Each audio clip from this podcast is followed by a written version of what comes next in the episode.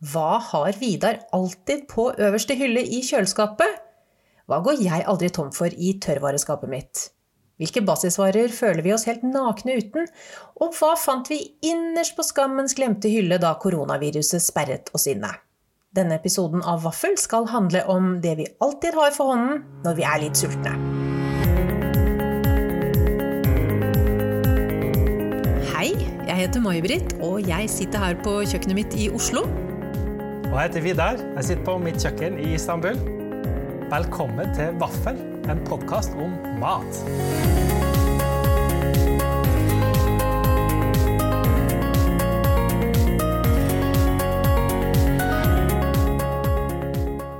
Hei, Vidar.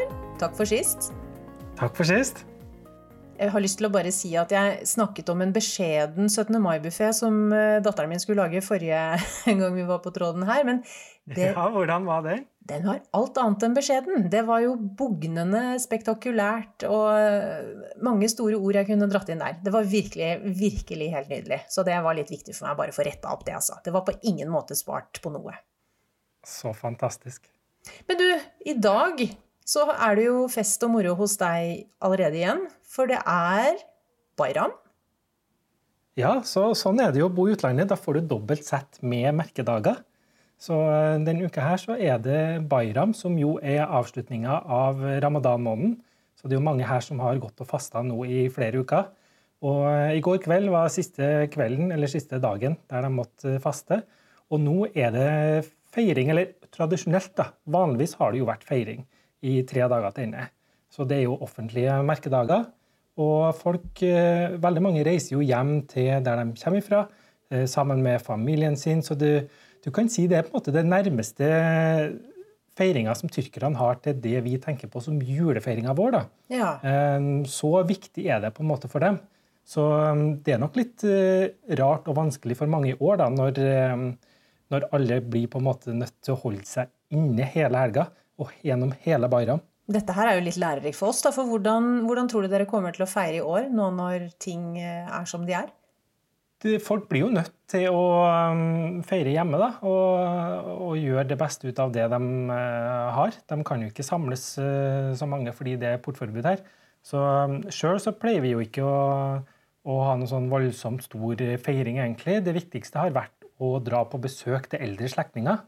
Og det er jo umulig den gangen her, da.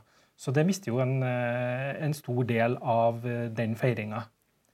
Men i dag skulle jo handle om eh, hva vi har i kjøkkenskapet òg. Jeg så lurer jo på det. Hva er det egentlig du har i kjøleskapet som du virkelig ikke kan klare deg uten, som alltid står der på øverste hylle?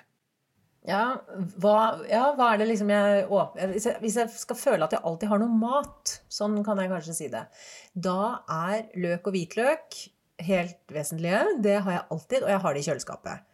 Eh, Noen har det på benken, jeg har det altså kjølig. Eh, Og så er det egg.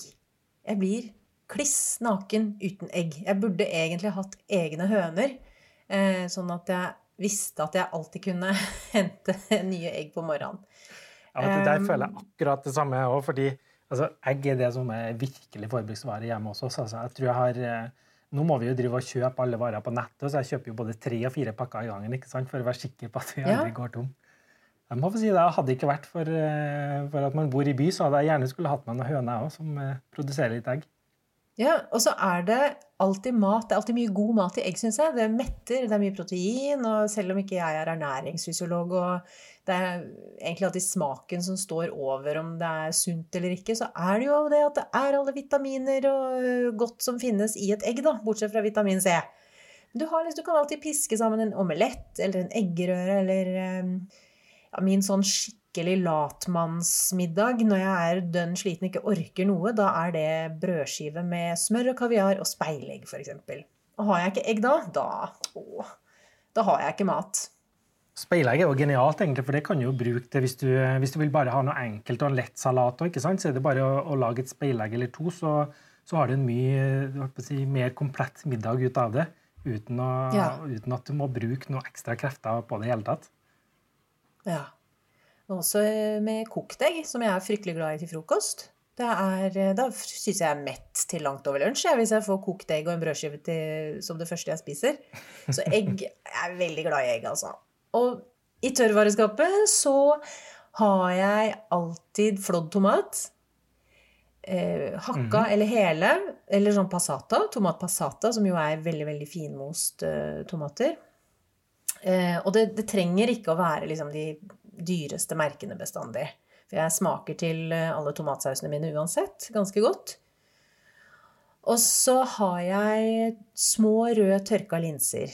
Det er også en ting jeg ikke liker å gå tom for. For de koker jo på 1, 2, 3, og de kan erstatte kjøttdeig. Hvis jeg f.eks. har bare bitte litt kjøttdeig i fryseren og har tatt opp, og som jeg har spart fra en eller annen større mengde, så kan jeg liksom blande inn små røde linser hvis jeg skal lage kjøttboller eller en pastasaus eller ja.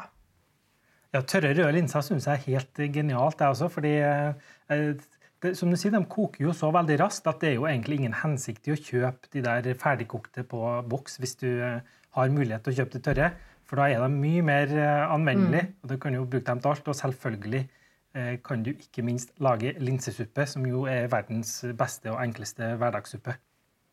Det er akkurat det. Og jeg bruker ofte linser istedenfor potet, f.eks., som jevning i alle sånne purerte supper. Det er også helt strålende. Og, da, og de også metter jo. Det er jo protein, da. Og så har jeg noe som du kanskje vil fnyse litt av, da, for jeg har jo Jeg har jo alltid kikerter, men jeg har de der ferdigkokte. Jeg er veldig glad i de ferdigkokte kikertene, altså, Vidar. Jeg, sorry. Så da kan jeg liksom alltid, hvis jeg skal lage en salat eller en gryterett eh, som jeg ikke hadde kjøtt oppi i det hele tatt, eller bare bitte litt grann eh, kjøtt, så har jeg en boks med kikerter som jeg kan eh, tilsette. Og så har jeg alltid så jeg kan lage en rask hummus og ha ved siden av noe annet. Om det er i matpakka, eller om det er istedenfor smør på brødskiva, eller om det bare er som en siderett med, med ja, med noe fisk, eller fylt aubergine, eller Ja, du veit. Og så hmm, pasta, selvfølgelig. Alltid noe tørka pasta. Hva slags type pasta du har? Er det vanlig eh, holdt på å si, soppspasta, eller føler du at du må kjøpe de italienske merkene? Eller er det fullkornspasta eller linsepasta? Det er jo mange forskjellige typer om dagen. Det, ja, det, varierer, det, varier, det, varierer, litt, og jeg tror, jeg tror, nok folk kanskje er nysgjerrig på akkurat det, fordi jeg er litt sånn en pastadame. Jeg lager jo pasta selv av og til, og jeg lager mye pasta. Eh, før var jeg jo en ihugga motstander av fullkornspasta for noen mange år siden. Det kan man også lese på bloggen, at jeg syns at uh, fullkornspasta smakte liksom våt brøddeig når det ble kokt. Ja, jeg må få si, jeg er litt på det stadiet ennå, men jeg har ikke prøvd det så mange ganger. da, det må jeg bare innrømme, Men uh, jeg må få si det at det ikke, når jeg først skal ha pasta, så frister det ikke så veldig å prøve de der uh, fullkornsvariantene. altså. Ja, jeg er blitt litt omvendt med årene, og så tror jeg jo også at en del merker har begynt å produsere mye bedre og smakfull fullkornspasta. Mm. Men ellers så går det litt tilfeldig hva som er i den butikken jeg handler i den dagen. Mm. Jeg har liksom ikke noen sånne faste butikker jeg går til for å kjøpe den og den pastaen. Jeg har rett og slett ikke tid til det. Jeg er ganske travel med jobb og barn og hund og alt som skal skje. Så akkurat nå så har jeg liksom Rema sin økologiske fullkornsspagetti liggende i kjøleskapet. Men jeg kan også ha de derre fine eh, italienske, litt dyrere merkene som eh, trekker til seg sausen på en helt annen og mye bedre måte, selvfølgelig. Men det er ikke, er ikke alltid du finner sånn ha igjen-pasta i skapet mitt, altså. Og så er jeg veldig glad i penne, tørka penne. Det prøver jeg alltid å ha, for da har jeg både til middag, men også til å fylle på i noen matpakkesalater og sånn, så du får litt metthetsfølelse. Jeg er ikke noen sånn kjempefan av kald pasta og pastasalat, men bare litt. Litt grann i den der salaten som datteren min skal ha med seg på skolen, med noen bakte rotgrønnsaker og kanskje en kesamdressing, for å, for å få energi, da. Og så det siste, da, det er Her er jeg igjen inne på noe som ikke du er så glad i, vet jeg. Og det er enten tunfisk på boks eller makrell i tomat eller sardiner. Du kan få velge en favoritt blant de tre, Vidar. du, ja, det var et godt spørsmål. Jeg, var jo, jeg ble jo spurt av DN var det for to-tre år siden om jeg ville være med i en artikkel om maten som kokkene ikke kan fordra. Og da valgte jeg meg jo ut tunfisk på boks. Så det, i alle fall, jeg fikk med meg det, ser du. Ja, nettopp. Det, den, har, det kom jo inn noen bokser med tunfisk her i begynnelsen av koronakrisen. Da, da samboeren min var og handla inn noen varer. Så de ligger jo der på bakerste hylle nå og da venter på meg, så jeg må finne ut hva jeg skal gjøre med det. Jeg har, ja, Hva tenker du å gjøre da? Jo, Jeg har kikka litt i en kokebok her for ikke så lenge siden som hadde en oppskrift på Er det tonata det heter, eller tonato? Den, det er en slags sånn ja. tunfisksalat, egentlig. Er det ikke det, da? Men det var en mhm. del fiffige kombinasjoner på den, så jeg tenker kanskje det kan gjøre det litt mer spiselig for min del. da. Og så tenker jeg jo det at det handler jo ofte litt om tilvenning òg, uh, når du ikke spiser en vare i det hele tatt, så, så, smaker den litt rart til du har spist den noen ganger, og så blir du kanskje mer vant til det etter hvert. Det er jo på en måte noe jeg har opplevd i voksen alder. ikke sant? At uh, ting jeg trodde jeg ikke kunne fordra da jeg var tenåring, nå, nå, spiser jeg jo det meste. ikke sant? Altså hva du putter sammen med den tunfisken det, jeg syns jo at finrevet sitronskall og nok sitronsaft det løfter jo den billigste boks med tunfisk opp på et nivå hvor den egentlig ikke hører hjemme. ja, men jeg tror du er inne på noe der. Altså, fordi det, det, er jo kanskje det jeg har lært også, egentlig, over, over, tid. At uh, det handler ikke så mye om maten i utgangspunktet eller er god eller ikke. Det handler om hva du gjør med den. ikke sant? At du tilbereder den på rette måten. Så hvis du, ikke, hvis du tror du ikke liker noen ting, så er sannsynligheten veldig stor for at du uh, bare har fått den dårlig tilberedt, eller ikke har visst hvordan du skal tilberede det på en måte som du liker sjøl.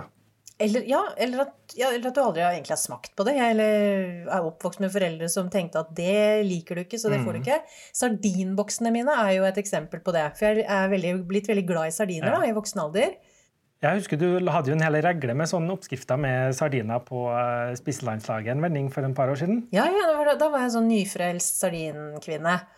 Og da var i salater, og jeg har pastaretter med det som er inspirert av Sicilia Nei, uh, Sardinia, selvfølgelig.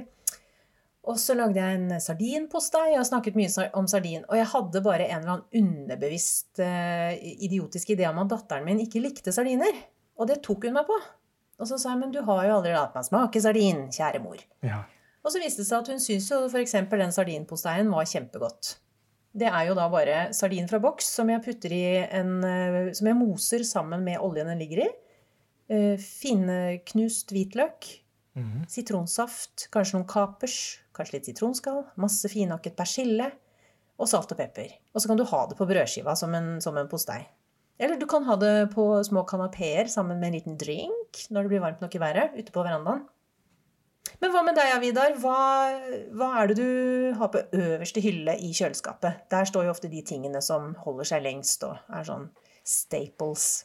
Ja, ikke sant? Det, det er jo både det bra og det skumle. på å si. Det står ganske mye glass og um, bokser der. Uh, jeg skal ærlig innrømme at det er sikkert noen av dem jeg ikke har helt kontroll på hva det er i, men jeg har i alle fall tre bokser der som jeg bruker. Om ikke hver dag, så er det ikke langt unna at jeg bruker i alle fall én av dem. Og det er eh, tomatpuré, chilipuré og eh, paprikapuré. Ja, paprikapuré. Er det aivar, eller? Nei, ashvar er en slags eh, pålegg, så den er mye friskere. Mens paprikapuré er basert på altså det er basert på samme teknikken som når du lager tomatpuré. Så det er sortørka til det er helt um, intensivt i smaken. Og du får på en måte mye mer umami ut av det. da. Så det er jo en ting som de bruker ganske mye sammen med tomatpuré, særlig her i mm. Tyrkia. Mm. Eh, også i Midtøsten og en del flere land rundt omkring her. Eh, fordi Du snakka jo om at du bruker en del eh, tomat på boks, f.eks. At du har forskjellige typer tomater på boks. Det finnes jo ikke her. Eller det finnes jo, men det er ikke mm. noe som folk bruker. Det folk bruker, det er frisk tomat når den er i sesong. Og resten av året er det tomatpuré. Så når de lager en tomatsaus på vinteren, for eksempel, så er den ofte basert på tomatpuré og litt eh, paprikapuré. Og den, eh, den paprikapureen er egentlig veldig genial, fordi den gir en ja. helt ekstra smaksdybde og en ekstra dimensjon da, som du ikke får med bare ren eh, tomatpuré. Og jeg må få si det, jeg syns det er egentlig ja, minst like godt som en del bokstomat blir ofte. Det er klart Du kan ikke bruke like store mengder da, så du skal lage en sånn veldig veldig tomatbasert sak, tomatsuppe f.eks., så da merker du veldig godt at det er en annen type tomat. Mm.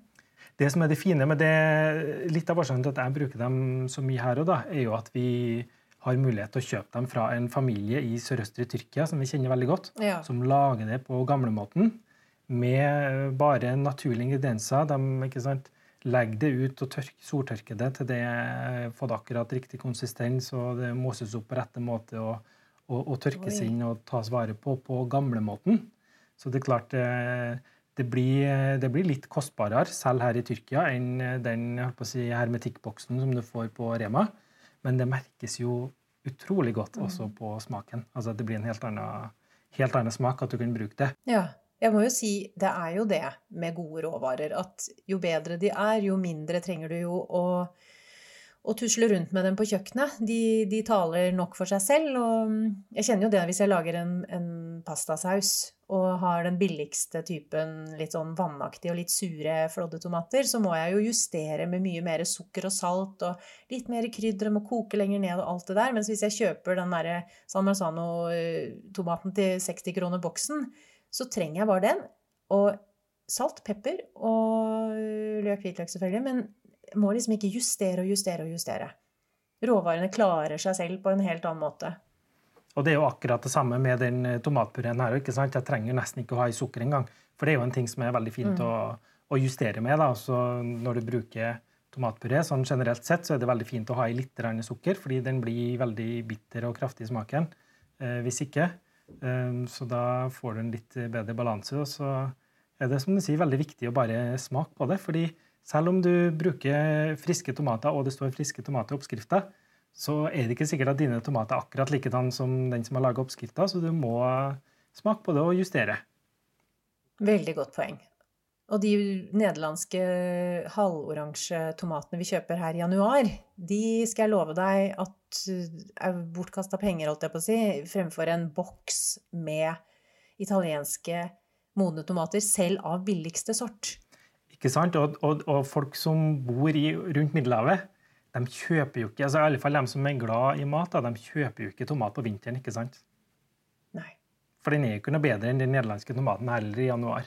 Det er først nå egentlig, nå begynner vi å, nærme oss slutten på mai, og det er først nå tomaten begynner å bli brukbar i mat. egentlig. Mm. Men da må jeg nesten si at norske produsenter se på Sørlandet, har noen eh, tomatprodusenter der som driver, har drivhus, som lager noen utrolig søte og gode små snackstomater gjennom hele året, nesten. Så det, Mm. det går an. Men det, det krever jo sitt, da. Men hva med tørrvareskapet ditt, Vidar? Hva har du der?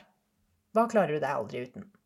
Ja, det, det, er jo en del ting jeg ikke klarer meg uten. Altså, tahini er jo virkelig en ingrediens jeg har trykka til mitt bryst. Jeg ble introdusert, jeg husker, jeg husker det, jeg ble introdusert til den eh, av en god venninne av meg fra Israel, eh, som jeg ble kjent med da jeg studerte i London.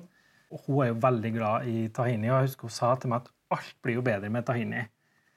Tahini er jo aller best kjent. ikke sant? Det er jo en eh, sesampasta, så den er laga av rista og knuste sesamfrø.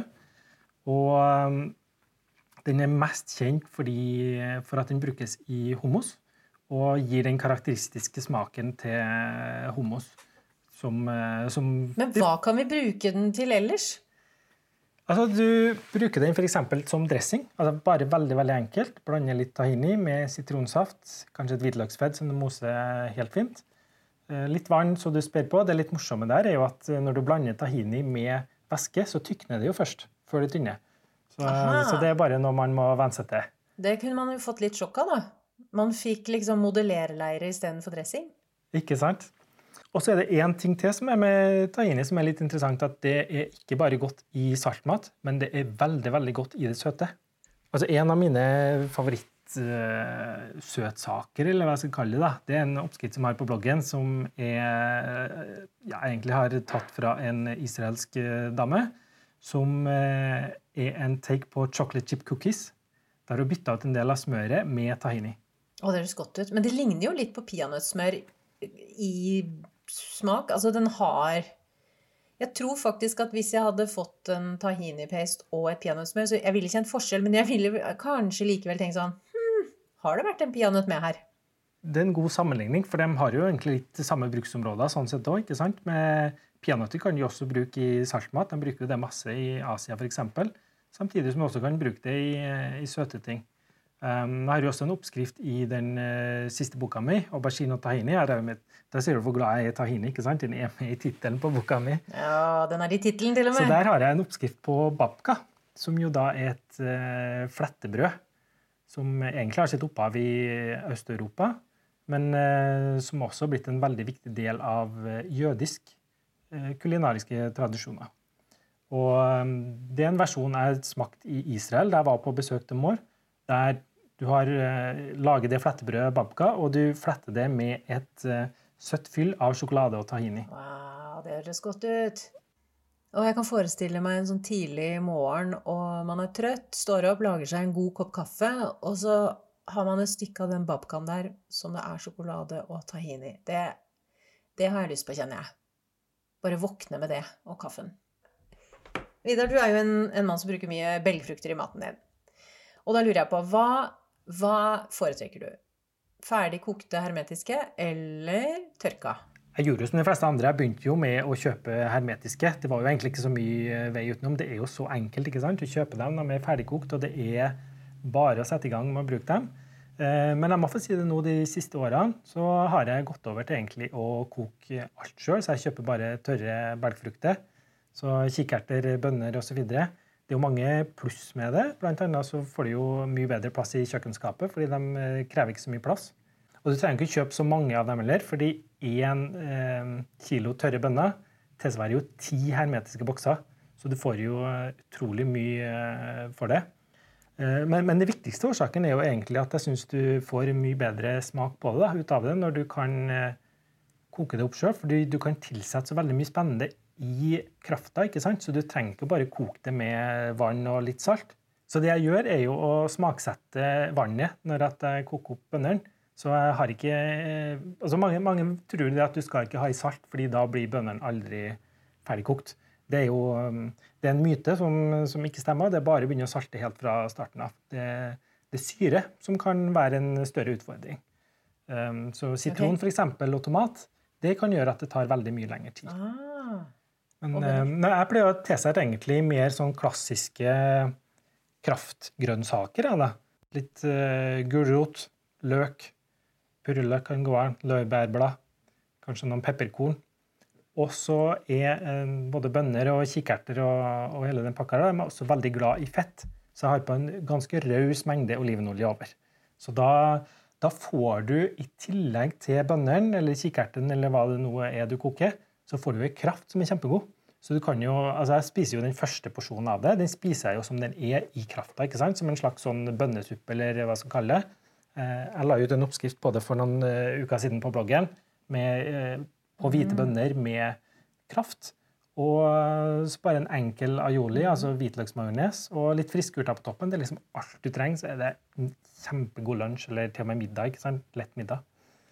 Ja, jeg tenker jo at det er et gulltips til alle som skal inn i vegetarenes verden, som har bestemt seg for å enten leve vegansk eller vegetarisk, og må spise belgfrukter for å få i seg protein, så er jo det noe de bør legge tid og energi i, da.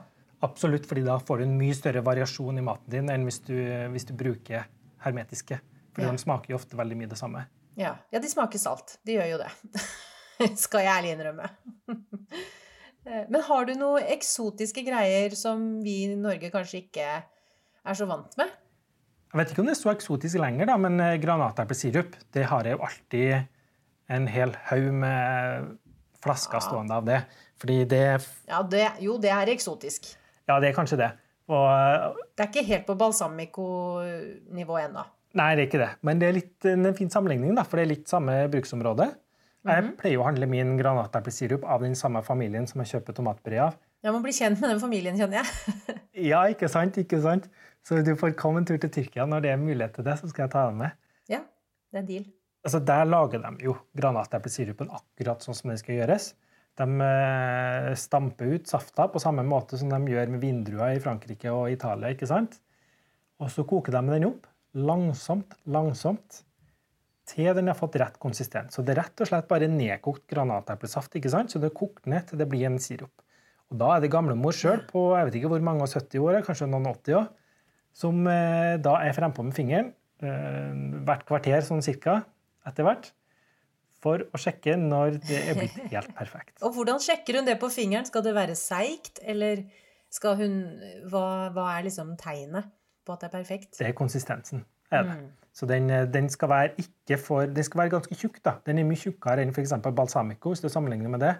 Det er ikke helt sånn jeg håper å si, mørk eller lys sirup heller, sånn sukkersirup. Men det, den, den, er vesentlig tjukkere enn balsamico. da.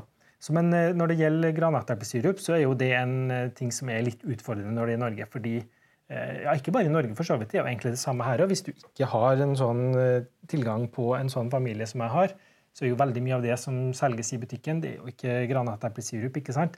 Det er glukosesirup med diverse kunstige smakstilsetninger. Og så er det kanskje 2 eh, granateplekonsentrат, eller ja, kanskje litt mer, da. Men eh, det, det har jo også da ført til at en del har fått et inntrykk av at det der er en veldig søt ting. For det er også noe som selges som ja. Eh, granatepledressing eller granateplesaus. Og det er jo ikke granateplesirup, men det er en veldig, veldig søt greie. Kan tenke meg det minner om sånn cranberry At det er mer over i den smaks ja, der? Jeg tenker det er mer over i den der kunstige sukker, sukkerverdenen, ja, da. Men, uh, men, det er kanskje Sunlight! Ikke sant? Det, jeg tror det er mer i den ligaen, altså. Men det Altså, så jeg vet at det kan være en utfordring å få tak i ordentlig granateplesirup. Eh, de har det enkelte plasser i Oslo, vet jeg. Kanskje kan man kjøpe det på nett. Hvis du da bare får tak i en sånn som er mest glukosesirup eller sukker, ikke sant? Så eh, kan det være lurt å balansere den da med litt eh, sitron eller en annen syrlig sak for å få litt mer rette konsistens på, eller rette smaken på det. Men, eh, men det er virkelig eh, noe som jeg anbefaler. Og hvis du har en mulighet, kjøp ordentlig vare. Det koster veldig mye, da. Det er klart, Den, eh, den er ikke billig. Den koster flere altså, Du må sikkert ut med nærmere 100 kroner for ei lita flaske. Det tror jeg du må regne med. Ja, men det tror jeg jo nordmenn har råd til, hvis de er opptatt av mat, skal jeg være helt ærlig. Det er jo der en, altså en god balsamico fra Modena, en, en lagret en, koster jo sikkert mer enn det du nevner der. Jeg fikk jo en flaske av deg til jul, jeg for et par år siden. Ja, Har du prøvd den? Jeg har prøvd den. Jeg har prøvd den til flere ting. Og så syns jeg den har et veldig spennende smaksbilde. Fordi det er et engelsk øh, adjektiv som vi ikke har på norsk, som, heter, som er tangy. Det er en veldig god beskrivelse ja. av smak. Mm.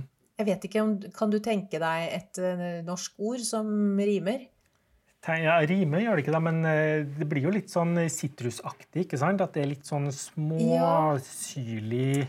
Det er liksom litt sånn ja, friskt og syrlig og litt skarp i kanten, liksom. Ja, ikke sant? Mm.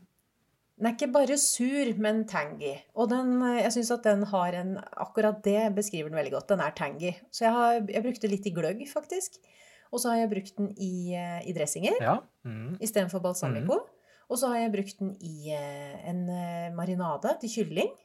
Var, hvor jeg også hadde litt honning og litt litt spisskummen og um, litt eh, malt koriander og litt den der, sånne østenske smaker. Det var veldig godt. Da har du jo egentlig prøvd nesten hele spekteret som du kan bruke den til. For den er jo som sagt så anvendelig. ikke sant? Du kan bruke den både til bare som en enkel dressing. Jeg pleier å ha det over, eh, særlig nå på sommeren. da, ikke sant? Jeg lager frisk salat så godt som hver dag. Så er det jo bare å hakke opp noen grønnsaker, kanskje bare noen grønne blader, altså ruccola f.eks. Og så bare helle over litt eh, granateplesirup olivenolje, litt flaksalt. That's it. Du trenger ikke mer, altså. Mm. Mm. Og så har jeg ting som er stående da, på, eh, som tar opp veldig mye plass. Egentlig har en liten sånn krok i hjørnet av eh, kjøkkenet. Og på gulvet der står det jo dunk på dunk med olivenolje. Fordi det bruker vi jo kjempemye av her i uh, Tyrkia. Jeg husker jo det når jeg bodde i Norge, og likedan egentlig da jeg bodde i London òg. At ja. uh, altså, en halvliter med olivenolje det varte jo en liten evighet. ikke sant? Så jeg fikk jo litt sjokk da da jeg kom hit og vi flytta inn her, og, og sviger skulle komme på besøk første gangen med bil. ikke sant? Og ut fra bagasjerommet kom jo det ene etter det andre. ikke sant? Masse forskjellige ting de hadde med til oss. Deriblant to femlitersdunker med olivenolje. Og så kom de inn med det. ikke sant? Jeg begynte å bære opp og greier. da, Så sa jeg men nå må dere bare sette, skal jeg ta inn og ordne opp alt det her. Ikke sant? Nei, nei, men det er mer i bilen. ikke sant? Det er mer. Jeg skal komme med mer. Nei. Da kom det to femlitersdunker til. Så da fikk vi 20 liter olivenolje da vi flytta inn. så nå tenkte jeg nå har jo jeg olivenolje til jeg blir pensjonist, ikke sant? Men så ble jeg jo kjent med en del av den uh, veldig gode, særlig tyrkiske sommervann, der de egentlig uh, altså, De har noe de kaller for zeitinjale, som er et tyrkisk ord som bare betyr med olivenolje. Og Det er en teknikk og en måte å tilberede ingredienser på. Så da velger du egentlig bare ut én grønnsak, det kan også være bønner, som du rett og slett da Hva skal jeg si, da? Du, du koker eller uh, braiserer det. Konfiterer? Nesten, for det er ikke så mye olivenolje, da. Men uh, du bruker En høyere varme, da, kanskje, og mindre olje? Nei, ganske lav varme, okay, men ja. lang tid. Ja. Så grønnsakene, i forhold til det vi er vant til, blir jo på en måte Mange vil jo si at de er kokt i hjel, ikke sant? Mm. Men fordi de er kokt i hjel i olivenolje, Åh, Gud, litt tomat, litt løk, litt eh, hvitløk, eh, godt med salt, ikke sant? Mm. så blir det så utrolig godt. Altså, du, du skulle bare tro, du ser bare noen triste bønner, ikke sant? men så er det jo en eksplosjon av deilig, frisk eh, smak. Altså, det, det, det er forbausende friskt i forhold til hvordan det ser ut, for det ser jo litt sånn traust ut. Um, min favoritt er jo den med sånn um, Hva heter det der veldig flate bønnene? ikke sant? Ganske store, lange, flate bønner. Eh, Bobby beans? Nei, hestebønner. Nei, ikke hestebønner heller. Det, det er jo favabønner. Men det der um, Snittebønner. Snittebønner, der har vi det. Der har vi det. Så um, det er virkelig en rett som jeg anbefaler å prøve. Så nå, nå er jeg jo kommet dit da, at um, nå har vi ikke fått levering det, på en stund. Altså, mine svigerforeldre. Ja, ikke sant? For de har jo, de har jo igjen da, noen gode kontakter i vestlige Tyrkia, som er området i Tyrkia som lager god olivenolje. Og de får det tilsendt der, da, altså fra familievenner, rett og slett. Så de setter sin ære i å levere det videre til oss. Så nå er det oljekrise nede hos dere òg, det er ikke bare her i Norge? Ja, eller jeg føler, altså, nå, nå kjenner jeg jo på det at jeg er blitt litt tyrkisk i bruken av olivenolje. Da, fordi nå har jeg bare to dunker stående i eh, kjøkkenboden min. Og den ene er halvfull, og den andre full. Men eh, altså sju-åtte liter olivenolje er det der. Og da, da begynner jeg å bli litt kjenne at jeg er litt sånn smånervøs for at nå begynner det å gå tomt. ikke sant? Nå skulle jeg gjerne hatt litt eh, påfyll snart. Men det er jo noe av det mest frustrerende hvis man skal lage mat hos andre, og så spør du om de, de har olivenolje, og så får du en sånn bitte liten eh, gaveflaske med kanskje to desiliter eh, halvharsk olivenolje. Og så er det sånn Den kan du steke i. Nei, jeg kan ikke det. Ok, gi meg margarinen du har, da. Nei, ikke sant.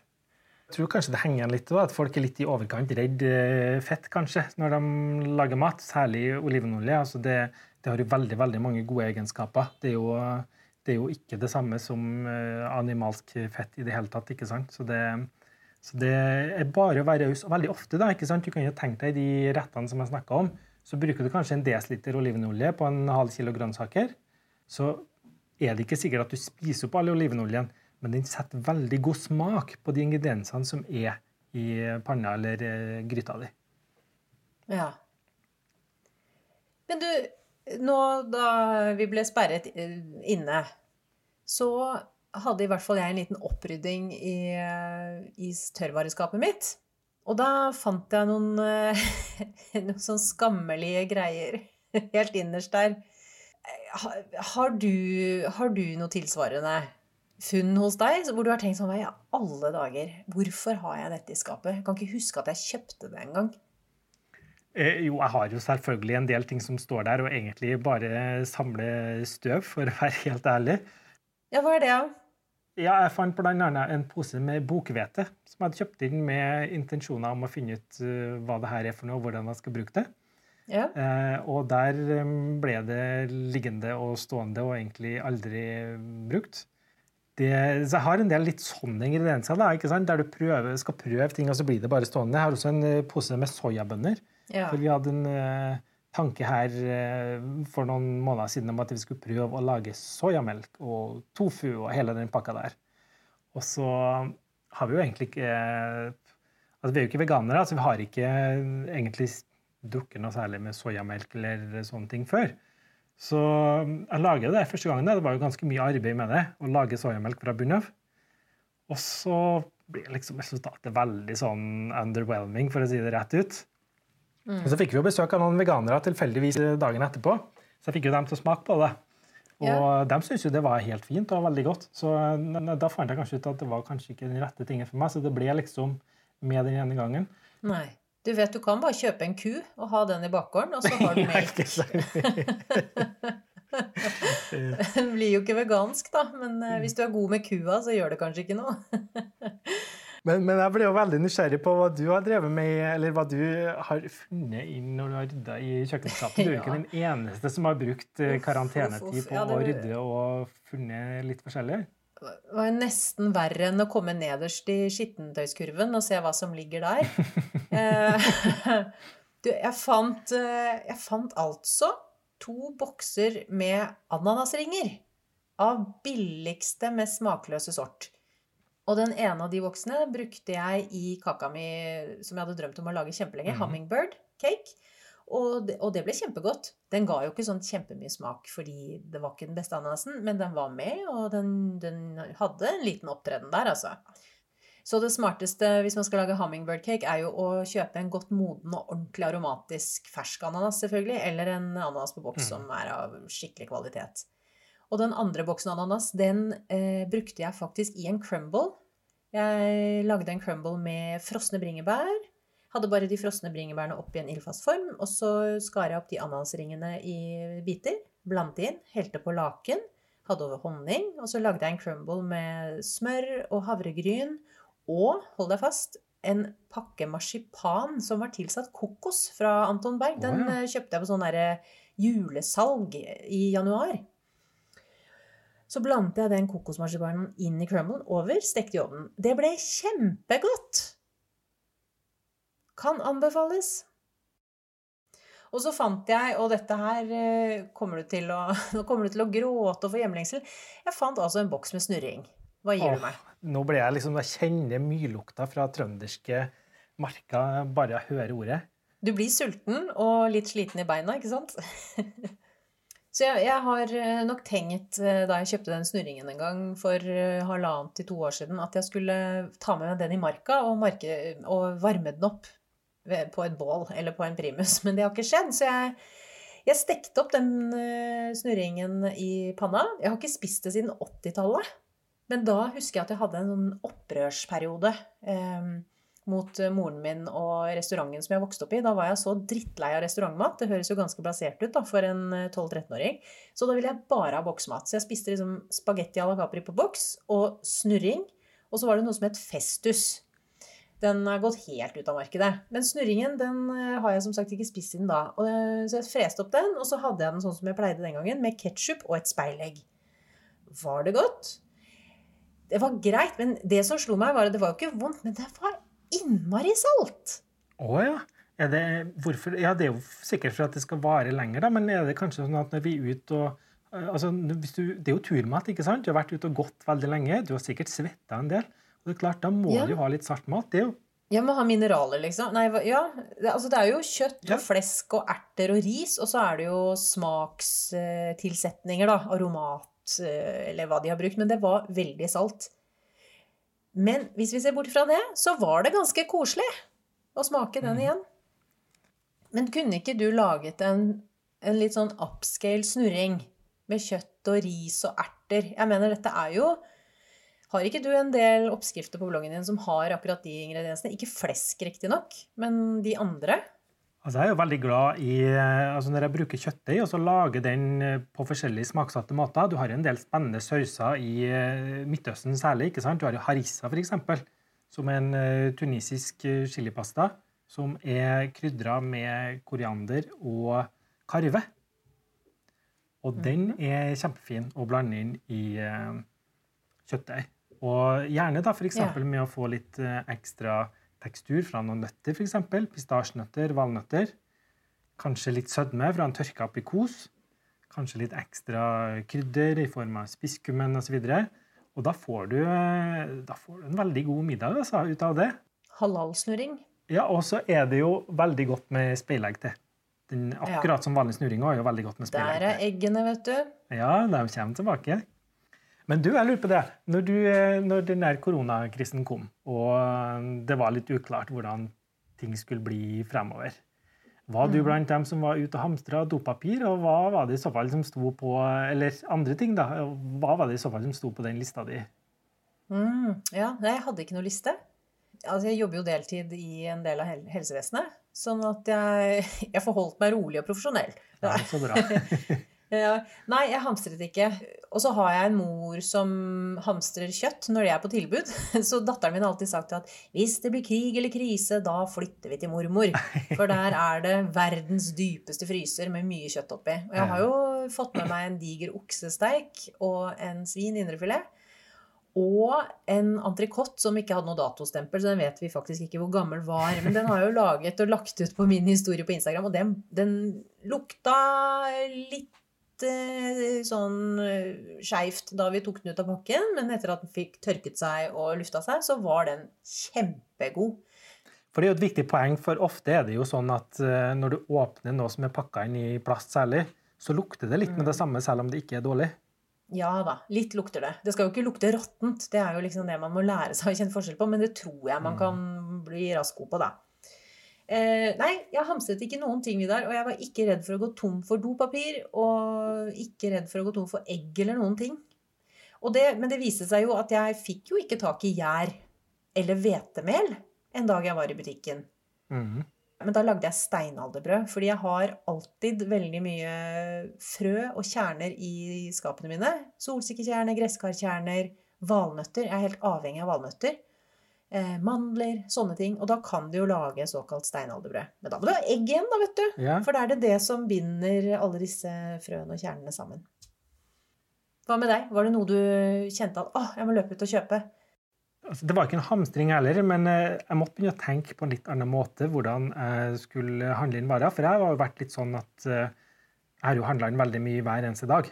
Så jeg har vært liksom ut, og det har vært nesten en sånn unnskyldning for å komme seg ut og, og se litt i gatene rundt her og gå seg en tur. ikke sant? Og fordi jeg må innom slakteren og kjøpe de, eller jeg må innom ostebutikken og kjøpe de, eller sånne ting. Da. Så jeg har kjøpt veldig mye sånn eh, små innkjøp hele tida. Så vi har jo bare en bitte liten fryser. ikke sant? Sånn kombi kjøleskap øverst, og så to sånne små fryserskuffer under. Og der har vi ikke hatt noe kjøtt eller sånne ting. Så, um, så noen vil jo kanskje si at det var hamstring. Jeg vil ikke si at det var det. Det var liksom for å ha en reserve på en to-tre kilo kjøtt i fryseren. Og mm. så kjøpte vi inn litt sånn melk som varer veldig veldig lenge, ikke sant? på sånne kartonger som står i romtemperatur. Men eh, det er jo faktisk ganske vanlig her i Tyrkia. da. De fleste drikker den type melk heller enn eh, vanlig melk, som jeg kaller det. da. Den trenger vel ikke å stå kjølig? Nei, den gjør ikke det. Så, og så varer den jo evig. Ja, Men da er vi tilbake til den kua vet du, som du kan ha i bakgården der. og Ja, ikke sant. Men jeg gjør jo en litt morsom oppdagelse med den eh, langtidsmelka. For det var jo sånn etter hvert at eh, når du ikke kan gå og handle hver eneste dag, så ble det plutselig at det ble en del dager uten melk. Så jeg måtte jo eh, da gå inn på det lille lageret på tre liter eller hva det var med sånn langlivsmelk, eller hva jeg skal kalle det. da. Og da brukte jeg en del av det til å lage en sjokolade muhalebi. Har du hørt om muhalebi? Muhalebi? Nei? Ja, det er kan du si Midtøsten panna anakotta. Det er en litt eh, Ah. lettere versjon av det. Så det er rett og slett en melkepudding. Den finnes jo da også i forskjellige versjoner. Du kan smaksette det mest tradisjonelle i å smaksette med litt rosevann. Jeg har en oppskrift på det i den eh, siste boka mi, som eh, da heter aubergine og tahini. og der, altså Veldig veldig enkelt. Det er jo bare melk, sukker Jeg bruker maisstivelse for å få det stivt, da, så du får en sånn puddingkonsistens på det. Og litt Ja. smaksetting. Så, Ja. så er det bare å koke opp det, helle det over i glass og sette det kaldt, så er det klart på få timer. Å, det hørtes veldig godt ut. Men har du noe friske bær eller noe annet gøy oppå der? Jeg syns det er godt med nøtter og litt friske bær. ja. For eksempel, mm. Nå er det ikke så mye bær her. da. Granateple er jo fint på vinteren. Mm. På sommeren er jo jordbær fint. Men det jeg gjorde den gangen her, da, jeg skulle prøve en litt eh, annen variant. For jeg hadde laga vanlig mualebi uka før. Og så tenkte jeg nå skal jeg prøve en variant med sjokolade. Og så hadde jeg ikke igjen noe sjokolade ellers. Jeg hadde jo kakaopulver. da. Så da brukte jeg den langtidsmelka. Og så hadde jeg oppi eh, kakaopulver. Litt ekstra sukker, da, for det er jo litt bitter, den kakaopulveren. Og så laga jeg en sjokolademualebi ut av det. Og da fikk jeg jo tidenes overraskelse da jeg satt tennene i det. For vet du hva det smakte? Nei? Jo, sjokoladepudding! Jeg har funnet oppskriften på Tine sjokoladepudding. Er det. Ja, vet du hva? Jeg, kan- ja, når du fortal- ja.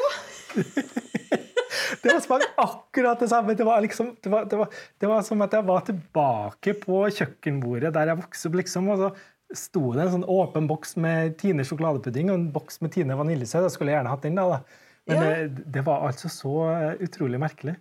Herregud, du kunne hatt snurring til hovedrett, og så kan du ha en sånn eh, Du lager deg en litt fancy snurring, og så tar du den sjokolade muhalabi, muhalabi til dessert. Mm Ikke Rett hjem på mors kjøkken anno 1983. Ikke sant.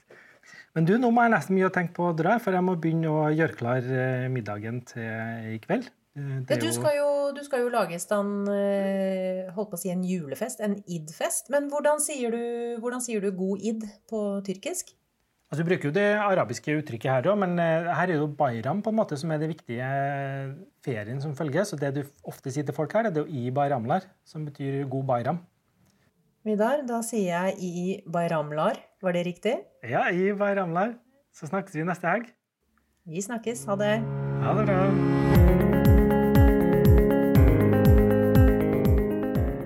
Takk for at du hørte på vår lille kjøkkenprat om det vi har i kjøkkenskapene våre. Ble du nysgjerrig på noen av rettene vi snakker om, finner du lenker til oppskrifter på bloggene våre, Spiselandslaget eller Et kjøkken i Istanbul. Neste uke skal det handle om retten som har gitt navn til denne podkasten. For få ting sier norsk matkultur som nettopp vaffel. Men er den egentlig så erkenorsk som vi skal ha det til? Hva er det som har gjort den belgiske vaffelen verdenskjent? Og er det fremdeles sjømannskirka som har den beste oppskriften? Neste episode av Vaffel kommer søndag 31. mai. Takk for at du hørte på oss, og på gjenhør.